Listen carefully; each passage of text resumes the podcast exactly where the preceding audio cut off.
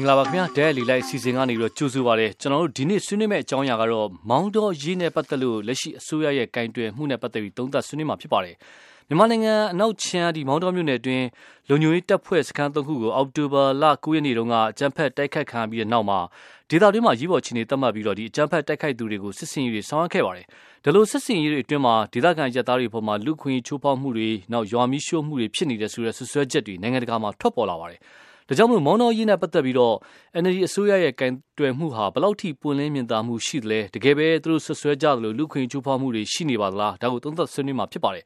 အဓိကပါဝင်ဆွေးနွေးပေးဖို့ဆိုပြီးတော့ကျွန်တော်ပုဂ္ဂိုလ်၃ဖိတ်ခေါ်ထားပါတယ် ANP ရခိုင်အမျိုးသားပါတီကဦးထွန်းအောင်ကျော်ရှိပါတယ်။နောက်တစ်ခုကတော့ဒီ Arakan Institute for Peace and Development အဖွဲ့ရဲ့ဥက္ကဋ္ဌဖြစ်ပါတယ်။အရင်ဘူးသီတောင်လွှတ်တော်အမတ်ဖြစ်ခဲ့တဲ့ဦးရွှေမောင်ဖြစ်ပါတယ်။ဦးရွှေမောင်ကတော့လက်ရှိအဖြစ် Washington DC မှာပါအခု Washington DC မြန်မာတန်ယုံရှေ့မှာဒီ သူတို့ဆန္ဒပြပွဲမှာဥဆောင်ပါဝင်နေပါတယ်သူဒီဆန္ဒပြပွဲမှာပဲတရရှိနေပါတယ်နောက်တူကတော့သတင်းစာဆရာဆရာစီသူအောင်မြင့်သူတို့ကိုတုံးကိုဖိတ်ခေါ်ထားပါတယ်ခင်ဗျထုံအောင်ကျော်ကိုအရင်မေးလိုက်ချင်ပါတယ်ကြားပါတယ်ခင်ဗျဟုတ်ကဲ့ခုနကျွန်တော်ပြောသွားသလိုပေါ့နိုင်ငံတကာမှာဒီ HRW အပါဝင်ဒီဆွဆွဲချက်တွေထွက်ပေါ်နေပါတယ်အခုအစိုးရရဲ့ကိုင်တွယ်ဆောင်ရွက်မှုမှာအဲလူခွင့်ချိုးဖောက်မှုတွေရှိတယ်ရွာမီရှို့မှုတွေဖြစ်တယ်ဆိုတဲ့ဆွဆွဲချက်တွေ ဖြစ်နေပါတယ်အဲ့တော့ဒီအခြေအနေနဲ့ပတ်သက်လို့ပေါ့ဦးထွန်းအောင်ကျော်တို့တည်ထားသလောက်ဘယ်လောက်ထိမှန်မှန်မှန်ဒါကဘယ်လောက်ထိခိုင်မာမှုရှိမရှိပြောပြပေးပါလားကျွန်တော်တို့ရခိုင်မျိုးသားပါတီကရခိုင်မျိုးသားတွေရဲ့အကျိုးစီးပွားနဲ့ရခိုင်မျိုးသားတွေရဲ့ဖွံ့ဖြိုးတိုးတက်ရေးအခြေခံပြီးတော့အမျိုးသားရေးအခြေခံတဲ့နိုင်ငံရေးပါတီတစ်ခုဖြစ်ပြီးအားလျော်စွာမောင်တော်ဒေသမှာရှိနေတဲ့ကျွန်တော်တို့ရခိုင်မျိုးသားတွေဟာအကျဉ်းချင်းအခါခါပဲအဲ့ဒီလိုပဋိပက္ခတွေ ဖြစ်ခဲ့တယ်အသက်တွေဆုံးရှုံးခဲ့တယ်အိုးအိမ်တွေဆုံးရှုံးခဲ့တဲ့အတွက်ကျွန်တော်တို့ကသက်ဆိုင်ရာတွေကိုလည်းကျွန်တော်တို့အချင်းချင်းခါခါတင်ပြခဲ့ပြီးလုံခြုံရေးကိုကျွန်တော်တို့အားမရပါဘူးဆိုပြီးတော့ကျွန်တော်တို့တင်ပြခဲ့ပါတယ်ဒါပေမဲ့ဘလို့အကြောင်းကြောင်းတွေကြောင့်တော့ကျွန်တော်တို့မသိဘူးကျွန်တော်တို့ရခိုင်လူမျိုးတွေတင်ပြတဲ့လုံခြုံရေးအစီအမံတွေကိုကျွန်တော်တို့ဒီနေ့ချက်ထိကျင့်နေလောက်အောင်ကျွန်တော်တို့မရဘူးအဲ့ဒါကြောင့်ကျွန်တော်တို့ကအမြဲတမ်း ဒီအဖွဲ့တွေနဲ့ကျွန်တော်တို့မင်းများစုံစမ်းတဲ့အခါအခုဖြစ်သွားတဲ့ကိစ္စဟာနံပါတ်1အနေနဲ့ကျွန်တော်ပြောချင်တာကနိုင်ငံတော်ရဲ့အချုပ်အချာအာဏာနဲ့ဒါပြည်တော်စုကြီးရဲ့အရေးကိုထိခိုက်တဲ့ထိပါမှုတခုလို့ကျွန်တော်တို့ကပြောချင်ပါတယ်အဲ့ဒါကြောင့်ဒီကိစ္စဟာနိုင်ငံတော်တစ်ခုလုံးနဲ့ဆက်ဆိုင်တဲ့ကိစ္စဖြစ်တဲ့အတွက်ရဲအဖွဲ့မှာရောတက်မတော်ပုံမှာရောတာဝန်ရှိတာတယ်လို့မြင်ပါတယ်ဒါပေမဲ့ကျွန်တော်အနေနဲ့အထူးတည်းပြောပြချင်တာက မောင်တော်ဒီကမှာဒီအခု online တွေမှာရောဒါ Facebook တွေမှာရောတင်နေတဲ့ကိစ္စမျိုးကျွန်တော်တို့ကအဲ့ဒီလိုတင်နေတဲ့ကိစ္စကိုကျွန်တော်အနေနဲ့ကတော့လက်မခံနိုင်ဘူးခင်ဗျာဘာလို့ဆိုတော့ကျွန်တော်တို့မြန်မာနိုင်ငံဟာပြည်တွင်းစစ်အနည်းဒီလွတ်လပ်ရေးရကြတဲ့ကဖြစ်နေတဲ့ဟိုပြည်တွင်းစစ်ရှိနေတဲ့နိုင်ငံတစ်ခုဖြစ်ပါတယ်အဲ့ဒီလိုဖြစ်နေတဲ့ကိစ္စမှာတိုင်းမဒေသတွေမှာတိုက်ပွဲတွေဒီနည်းချက်ထိလည်းပြင်းပြင်းထန်ထန်တွေဖြစ်တုံးပဲ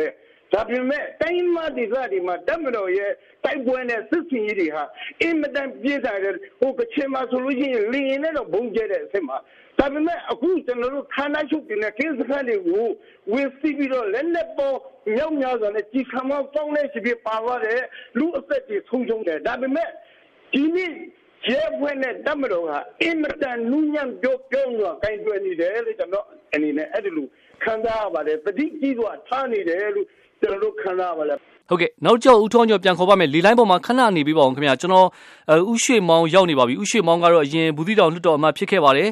ဥရွှေမောင်ကဆိုလို့ရှိရင်လက်ရှိ Washington DC ဒီမြန်မာတန်ရုံးရှေ့မှာဆန္ဒပြပွဲမှာဥဆောင်ပါဝင်နေပါတယ်ဥရွှေမောင်ကြားပါလားခင်ဗျာဟုတ်ကဲ့ကြားပါဟုတ်ကဲ့ခုနဦးထွန်းအောင်ကျော်ပြောသွားတဲ့အထက်မှာလက်ရှိဒီလုံခြုံရေးတပ်ဖွဲ့တွေကရခိုင်ကိစ္စမှာတော်တော်လေးနူးညံ့ပြောပြမြောင်းနဲ့ကင်တွယ်နေရလို့သူပြောသွားပါတယ်ခင်ဗျာဥရွှေမောင်တို့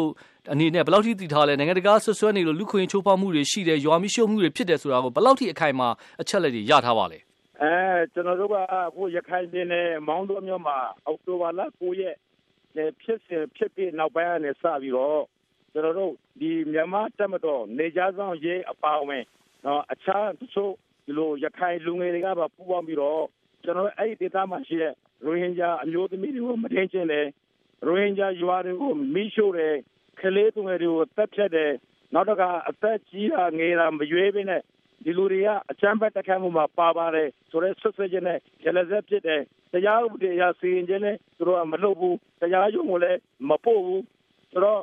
အဲ့တော့အခုနိုင်ငံတကာကနေကျွန်တော်တို့ကဒီဆွဆွတွေ Facebook မှာပါတယ်ဆိုတာကဒါတပိုင်းသို့တော့ကျွန်တော်တို့ကလည်းကျွန်တော်လည်းဒါပြည်သူ့လို့တော့ကိုယ်စားလှယ်ဟောင်းကြီးဖြစ်တဲ့အတွက် အဲ့ဒီအောက်တိုဘာလ10ရက်ကနေစပြီးမှဒီနေ့မနေ့ထိပဲကျွန်တော်တို့ဒီမှာတောက်လျှောက်ဖုန်းတွေလာတယ်ကျွန်တော်တို့ဓာတ်ပုံတွေပို့ပေးတယ်ဗီဒီယိုတွေပို့ပေးတယ်အဲ့ဒါတွေကလုံးဝမှန်ကန်ပါတယ်ဟုတ်ကဲ့ခုမှမတို့အမားတွေမရှိပါဘူးကျွန်တော်တို့ကဒီဘယ်လိုပြောမလဲအခုကဒီခုနဦးထုံးကျော်ပြောသလိုကျွန်တော်တို့ဒီမြန်မာတက်မတော်ကနေလုံခြုံတဲ့ဘက်ကနေကျွန်တော်ပြောင်းရစွာကင်တယ်ဆိုတာကဒါလုံးဝမမှန်ပါဘူးနေမြေရှင်းလင်းရေးလုပ်နေတာမဟုတ်ပါဘူးရိုဟင်ဂျာရှင်းလင်းရေးကိုသူတို့က ဒီအချမ်းဖက်ဆိုတဲ့ကောင်းစီအောက်မှာကျွန်တော်တို့နေမြေရှင်းလင်းရေးဆိုတဲ့ကောင်းစီအောက်မှာဒီဒီအချမ်းဖက်ပါတယ်ဆိုတဲ့ဆွဆွေးချက်နဲ့အာကျွန်တော်တို့ကဒါကိုလုပ်နေချက်ဖြစ်ပါတယ်ဟုတ်ကဲ့ဥရှိမောင်ကျွန်တော်နည်းမေးချင်ပါတယ်ဥရှိမောင်ကြားရလားမသိဘူးခင်ဗျလူမျိုးတွေ9000လောက်ရှိတယ်ခင်ဗျဟုတ်ကဲ့ဥရှိမောင်ကျွန်တော်တစ်ချက်မေးချင်ပါတယ်အာနာပိုင်တွေဘက်ကပြောနေတာမီးရှို့တဲ့ကိစ္စတွေဘာတွေမှာဆိုရင်အဲတက်ဆိုင်ရာအဲဒေသခံမွတ်စလင်တွေကသူတို့ကသူတို့သူတို့အိမ်နေမီးရှို့တယ်အရင်ကလည်းဖြစ်ခဲ့မှုတဲ့အလားအလာတွေရှိတယ်လို့ပြောတာဆိုတာတွေရှိပါတယ်ခင်ဗျဒါနဲ့ပတ်သက်လို့ရောအရင်ကတည်းကဒါမျိုးဇလန်းလုပ်တာပါ နော်ကျွန်တော်တို့သိပါတယ်ကဘာပေါ်မှာကိုယ့်အိမ်ကိုကိုရှိုးရလို့မရှိကျုံးမမရှိပါဘူး2012တုန်းကလည်းကျွန်တော်တို့ကစစ်တွေမှာနော်ရေးတွေကနေမီးရှို့ပြီးတော့အဲ့ဒါကအဲ့ဒီတုန်းကရခိုင်ပြည်နယ်ဝန်ကြီးချုပ်တာဝန်ယူထားတဲ့လူကဥလမောင်တွေကအာဒါမွတ်စလင်တွေပြန်ရှို့တာဆိုပြီးမှပြောခဲ့တယ်အခုလည်းငခုရမှာမနေ့ကပဲမီးလောင်တနေ့ကမီးလောင်တယ်အဲ့ဒါမီးလောင်တဲ့အချိန်မှာပဲကျွန်တော်ကိုဖုန်းဆက်ပြီးတော့ပြောတယ်နော်မြန်မာလုံခြုံရေးတပ်ဖွဲ့တွေကအခုမီးရှို့နေတယ်သူတို့ကကြောက်လို့ အဲ့ဒီမှာမထွက်ရဘူးဘာလို့ထွက်တာနဲ့တနက်ပြမှာဆိုလို့အဲ့ဒါကိုလည်းဘယ်လိုသတင်းထုတ်ပြန်လဲဆိုတော့ဟိုအားတဲ့ငခုရချေးရွာမှာမီးလောင်တာကိုတဲ့ဦးပြောင်းမှလာပြီးမှမီးမငိမ့်ဘူးတဲ့အခြားရွာကရွာသားတွေကိုခေါ်ပြီးတော့မင်းကြရပါတယ်ဆိုပြီးတော့ဇလန်းစိန်ပြီးတော့ရခိုင်ပြည်နယ်ဆိုထုတ်ပြန်နေတယ်အဲ့တော့ကိုယ့်ကိုမီးရှို့တယ်လို့ပြောတဲ့ဟာဒီကျွန်တော်တို့ရခိုင်ပြည်နယ်မှာရှိနေတဲ့ရိုဟင်ဂျာလူမျိုးလူမျိုးတုတ်တင်ရဲ့ဇလန်းမှာကျွန်တော်တို့ဇက်ကောင်တစ်ခုအနေနဲ့တော့ဒါဟိုကျွန်တော်ထည့်ပြန်ပြောတာပဲဖြစ်ပါတယ်အမေရိကကို ယ့်ကိုရှို့တာမဟုတ်ပါဘူးအဲ့ဒီရင်တွေကိုကျွန်တော်တို့ဒီလုံခြုံရေးတပ်ဖွဲ့ဝင်တွေကပဲညအိမ်မှာသွားရှို့တာဒါကြောင့်မလို့လူတွေကအဲ့ဒီမီးကိုငိမ့်ဖို့တဲ့မလာရေးတာပါဟုတ်ကဲ့ကျွန်တော်ဦးရှိမောင်ဦးထင်အောင်ကျော်လေလိုင်းပေါ်မှာခဏနေပြပါအောင်ခင်ဗျကျွန်တော်သတင်းစာဆရာဦးစီသူအောင်မြင့်ဖိတ်ခေါ်ချင်ပါတယ်ဦးစီသူအောင်မြင့်အခြေအနေကတော့သိတဲ့အတိုင်းပဲမောင်တော်ပြဿနာမှာတစ်ဖက်နဲ့တစ်ဖက်ကဆွဆွဲချက်ဒီအပြန်အလှန်ရှိပါတယ်ဗျဒီနေ့မှာအခြေအနေရှိပါတယ်ဒီပေါ်မှာဦးစီသူအောင်မြင့်အစိုးရရဲ့ကင်တွယ်မှုဘယ်လောက်ထိပွင့်လင်းမြင်သာမှုရှိနေတယ်လဲသုံးသပ်ပြပါဦးဗမာပြည်မှာစစ်အာဏာရှင်တွေအုပ်ချုပ်တဲ့အချိန်တုန်းကဆိုရင် အခုလိုမျိုးဒါရဲစခန်းတွေဝင်စီးတကယ်ကိုသဘုံထတာပေါ့နော်တတ်တယ်ဖြတ်တယ်သဘုံထတကယ်တော့သဘုံထတာပါပဲအဲ့တော့ဒီလိုအခြေအနေမျိုးမဟုတ်တာတော့မှအဲတမတော်ရဲ့ကင်တွေပုံအဲ့ဒီချိန်တုန်းကပေါ့နော်ဝင်ပြီးတော့မှဒီမှတ်ပုံတင်စစ်တယ်ဘယ်လိုလုပ်တယ်ဘာညာဆိုပြီးတော့မှလူခွေချိုးဖောက်တာတွေကအများကြီးရှိခဲ့တယ်ဒါကရှေ့ပိုင်းမှာဖြစ်ခဲ့တာအဲဒါပေမဲ့ဒီဒီချိန်ဖြစ်တဲ့ကိစ္စကအဲ့ဒီအရှေ့ပိုင်းလွန်ခဲ့တဲ့နှစ်30ကျော်လောက်တုန်းကလည်းမတူသလိုမျိုး အဲပြီးတော့မှနောက်လွန်ခဲ့တဲ့2012ဥရှိမောင်ကပြောတယ်2012တုန်းကလည်းနှိုင်းရှင်လို့မရပါဘူးဒီချိန်ကအစိုးရသစ်ရှိနေတယ်အဲပြီးတော့မှအစိုးရသစ်နဲ့တူတူဒါတမတော်ကလည်းဒါကင်တွယ်ဆောင်ရွက်နေတဲ့အခြေအနေအဲ့တော့ဆက်ဆက်ဖြစ်ချင်တော့ကကလေးကအလုံးသတိထားမိကြပါလိမ့်မယ်ဒေါန်ဆန်းစုကြည်ဦးဆောင်ပြီးတော့မှအစည်းအဝေးခေါ်တယ်ချက်ချင်းပဲခေါ်တယ်ခေါ်ပြီးတော့မှအဲတရားဥပဒေစိုးမိုးရေးကိုတေချာလုပ်ဖို့ဆိုပြီးတော့မှသူမှားတာတွေရှိတယ်ပြောချင်တဲ့သဘောကတစ်ဖက်ကအကြမ်းဖက်လို့ဆိုပြီးတော့မှ တမတော်တို့ရဲတပ်ဖွဲ့တို့ဒီအာဏာပိုင်ဘက်ကနေပြန်ပြီးတော့အကြမ်းဖက်တာတွေမဖြစ်အောင်ဆက်စကလေးကတေချာကိုလုပ်တယ်အဲပြီးတော့မှပြည်내ဝန်ကြီးပါတဲ့အဖွဲ့တွေလှုပ်ပြီးတော့မှအနေရကရောက်အောင်သွားပြီးတော့မှလူမျိုးရေးပြဋိပက္ခတွေမဖြစ်အောင်ထိန်းတယ်အဲ့တော့လှုပ်တဲ့ဟာတွေကိုကြည့်လိုက်တဲ့ခါကျတော့ဖမ်းမိတဲ့လူတွေရှိတယ်ရှိသမျှအကုန်လုံးကိုကျွန်တော်နားလည်တဲ့လောက်ဒီမှာအကုန်လုံးတရားရုံးကိုပို့နေတယ်ဒီချိန်မှာအဲ့ဒီကသက်ဆိုင်ရာရဲတပ်ဖွဲ့အာဏာပိုင်တွေကလည်းပြောတယ်ကျွန်တော်တို့ဒီလူတွေအကုန်လုံးကိုဟိုဗာလဲတရားရုံးကိုတရားစီရင်အောက်ကိုပို့နေတယ် အဲ့တော့ ICRC လိုမျိုးအခြေမေးလာစစ်စင်လည်းရပါတယ်ဆိုပြီးတော့မှဒါတပ်မတော်ဘက်ကလည်းအဲ့ဒီရဲတပ်ဖွဲ့တွေဘက်ကလည်းပြောတာတွေရှိတယ်ဆိုတော့နိုင်ရှင်ချက်အားဖြင့်ပြောမယ်ဆိုရင်ဒါအရင်တော့ကလည်းမတူဘူး2012တုန်းကလည်းမတူဘူးတပ်မတော်နဲ့ရဲတပ်ဖွဲ့ကဒါအစိုးရပေါ့နော်အစိုးရရဲ့ညွှန်ကြားချက်အောက်မှာဥပဒေထိန်းသိမ်းရေးကိုအတော်လေးလုပ်နေတယ်လို့ကျွန်တော်ကျွန်တော်နားလည်တယ်ကျွန်တော်သတင်းတွေကိုလည်းကျွန်တော်အဆက်မပြတ်စောင့်ကြည့်နေတာပေါ့ဒါပေမဲ့ဒီလိုပြောလိုက်လို့တစ်ချိန်တည်းမှာကျွန်တော်တို့တပ်မတော်ဘက်ကရဲတပ်ဖွဲ့ဘက်က လူခွင့်ရေးချိုးဖောက်တာတွေရှိတယ်မရှိဘူးဒီလိုတော့ယတိပြပြောလို့မရဘူးတစ်ဖက်ကဗာပြန်ရှိတယ်လဲဆိုတော့ဒီရိုဟင်ဂျာအတိုင်းဝိုင်းကနေပြီးတော့ဆွဆွဲနေတဲ့ဟာတွေကကျွန်တော်တို့လည်းသတင်းတွေရတယ်ဒါပေမဲ့ဒါတွေကဆွဆွဲချက်တွေသက်သက်ပဲထိုင်လုံတဲ့သတင်းအချက်လက်တွေနဲ့ထွက်ပေါ်လာတာမရှိဘူးဒီမှာဆွေးနွေးဖို့ဆိုပြီးတော့ကျွန်တော်တို့ဖုန်းနံပါတ်ပေးထားတဲ့လူပြည်သက်တော်များများရှိပါတယ်ကျွန်တော်ရွေးပြီးတော့ခေါ်တော့ရမယ်အကုန်လုံးတော့ခေါ်နိုင်မှာမဟုတ်ပါဘူးကျွန်တော်အရင်ဆုံးဦးထက်မြက်ကိုခေါ်ချင်ပါလေဦးထက်မြက်တူတုတ်တုတ်လေးပြောပြပါလားခင်ဗျမင်းမြန်းစရာရှိတာမင်းမြန်းလို့ရပါတယ်ဦးစီးသူအောင်မြင်ပြောသလိုပဲအရင်တော့နဲ့တော့လုံးဝမတူဘူး ဒါပေမဲ့ကျွန်တော်တခုစဉ်းစားမိရချင်ကျွန်တော်တို့ဒီဒီမိုစီအပြည့်အဝရှိတဲ့ကျွန်တော်တို့အမေရိကန်ပြည်ထောင်စုတော်မှလေအရင်သားမသားရဲ့လက်အောက်မှာရှိတဲ့ကျွန်တော်တို့လက်နက်တိုင်အဖွဲ့အစည်းတော်မှာကျွန်တော်တို့တခါတရံလူခွင့်ချိုးဖောက်မှုဆိုတာရှိတယ်လေအခုတော့ဒါမဲ့ကျွန်တော်တို့နိုင်ငံလေမသားရဲ့လက်အောက်မှာရှိလေလက်နက်တိုင်အဖွဲ့အစည်းကဟုတ်ကဲ့အထိုင်လျောက်တော့ကျွန်တော်လူခွင့်ချိုးဖောက်မှုရှိလိမ့်မယ်လို့ကျွန်တော်ထင်တယ်ခင်ဗျာဦးထက်မြတ်ကျေးဇူးပါနောက်တူတခါလေးဖိတ်ခေါ်ပါမယ်ကိုကျော်စိုးမနီဆိုးတာကိုကျော်စိုးတူတူတူလေးပြောလို့ရပါတယ် အဲကျွန်တော်ထင်တော့ဒီဥရွှေမောင်လို့ပြောသလိုဒီမှာဟို2010နှစ်တုန်းကဟိုချစ်လို့တာဟောဒီတမ်တော်ဟိုလက်တုံပြန်တယ်ဆိုတာဒါမဟုတ်ဘူးခင်ဗျာဘာလို့ဆိုတော့ဒီဘူးတီတော်မောင်တော့မှာ2010နှစ်တုန်းကဒီမွတ်စလင်တွေလုံးဝမခံရပါဘူးဒီစစ်တွေဖက်မှာပဲအပြန်လှန်တိုက်ခိုက်တာရှိတယ်ဘူးတီတော်မောင်တော့ဖက်မှာကမွတ်စလင်တွေကရခိုင်တွေကိုတိုက်ခိုက်တာပဲရှိပါတယ် အခုဒီအချိန်မှာတော့ကျွန်တော်တမ်တော်ဖက်ကကန်ကြတဲ့ဟာတော်တော်ပွင့်လင်းမြင်သာမှုရှိတယ်လို့မြင်တယ်။ဘာဖြစ်လို့ဆိုတော့ဒီဓာတ်ပုံတွေပါပဲနဲ့လောက်တဲ့ဟာတွေရှိတယ်ဒီတချို့ဟာဘူဒီယိုဖိုင်တွေတော့တင်ပေးတယ်။သူတို့ရဲ့ဆွဆွချက်ဟာလေထင်သာမြင်သာမရှိဘူး။ပေါ်လာဟာလာတဲ့င်းလို့ပါလို့အဲ့လိုဖြစ်နေတယ်။ဟုတ်ကဲ့ရေစကြိုကနောက်တူဖိတ်ခေါ်ပါတယ်ရေစကြိုကကိုတင်မျိုးအောင်တူတူလေးဆွေးနွေးပြပါမင်းများစရာရှိမင်းများလို့ရပါတယ်။ဖြစ်ပြနေရရခိုင်မှာရှိနေတဲ့မူစလင်တွေက တစ်ဖက်သက်ကြီးပြောနေတဲ့ပုံစံမျိုးဖြစ်နေတယ်ခင်ဗျာဒီဘုံကတက်ကန်တဲ့ပုံနဲ့အခုကန်တဲ့ပုံနဲ့ဆိုတခြားစီဖြစ်နေတာပါနော်အခုကပူပရောပူလင်းနေတာပါလေတော်ရှင်နေဆွေးနွေးသွားတဲ့အချက်ဦးစီသူအောင်မြင့်ဆွေးနွေးသွားတဲ့အချက်ထဲမှာအခုအစိုးရရဲ့ကင်တွယ်မှုကအရင်2012တုန်းကအခြေအနေကတက်လူခွင့်ချိုးဖောက်မှုတွေရှိကောင်းရှိနိုင်တယ်သူတို့ဝန်ခံပါတယ်ဒါပေမဲ့2012ကအခြေအနေထက်ပိုပြီးတော့ပျော့ပြောင်းပါတယ်ဆိုတဲ့ဟာမျိုးပြောသွားပါတယ်ဦးရွှေမောင်းရဲ့သုံးသက်ချက်တိုးတိုးလေးပြောပါလားခင်ဗျ ဟုတ်ကဲ့အမေကကျွန်တော်က2010ကနေ15နှစ်တိအဲ့ဒီမှာပြည်သူ့တော်ပုံလေးတာဝန်ထမ်းဆောင်ခဲ့တယ်အဲ့ဒီက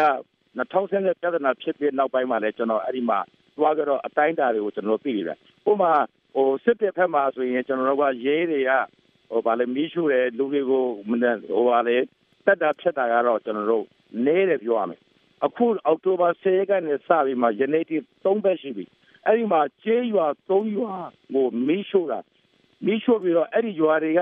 ရွာသားတွေအားလုံးကလေတွင်းထဲမှာနေနေရတယ်ဒါကဆွဆွချက်မဟုတ်ပါဘူးကျွန်တော်ဒီက IT ခက်ပါနော်နီးပညာခက်မှာဗရာညဆွဆွလုပ်တယ်ဟုတ်အထောက်အထားရှိပါတယ်လက်ပုံလည်းရှိတယ် writer သတင်းဌာနလည်းတရားဝင်မတင်ကြံခံရတဲ့အမျိုးသမီးကအင်တာဗျူးရပါတယ်ပြီးတော့ဖြစ်စဉ်ကိုလည်းကျွန်တော်ပြောပြထားပါတယ်နောက်တစ်ခါကျွန်တော်တို့အခုမနေ့တနေ့ကထွက်လာတဲ့ခင်မရာရွှေဂျိုရူကနဲ့ရိုက်ထားတဲ့ဂျိုရူကတော့မြန်မာအစိုးရလည်းမဟုတ်ဘူးရိုဟင်ဂျာလည်းမဟုတ်ဘူးအခြားရခိုင်လည်းမဟုတ်ဘူး သူကတော့မခွဲကြဘူးသူကရှိရရှိတဲ့အတိုင်းအမှန်တိုင်းပဲတက်ကိုရိုက်တာအဲ့ဒီမှာကြည့်လိုက်တော့ရွာသုံးရွာကိုမိရှို့ထားတာတွေ့ရတယ်အဲ့ဒီရွာသုံးရွာလုံးကိုမိရှို့ထားတဲ့ဟာကကျွန်တော်အနေရောင်နဲ့ပြထားတယ်ဒီရွာတွေကလည်းအားလုံးကကျွန်တော်တို့အောက်တိုဘာ10ရက်ကတည်းကယနေ့ထိတောက်လျှောက်တဲ့ပုံနေတာမှာဒီရွာကလူတွေပဲ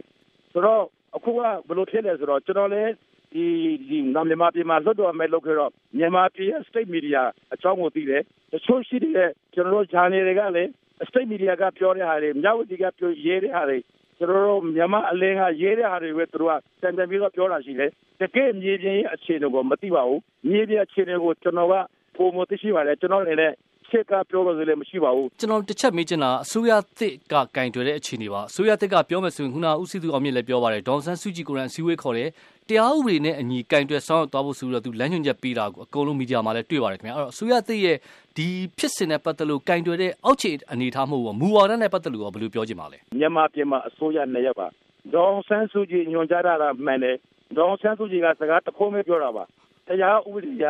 လုံးဒါပဲပြောတာဒါဆိုရင်မြန်မာနိုင်ငံရဲတပ်ဖွဲ့တွေကဒီပင်းရဲ့ကိစ္စတော့ကလုပ်ခဲ့တဲ့ဟာကျွန်တော်2007ဖုန်တန်းကလုပ်ခဲ့တဲ့ဟာ88တုန်းက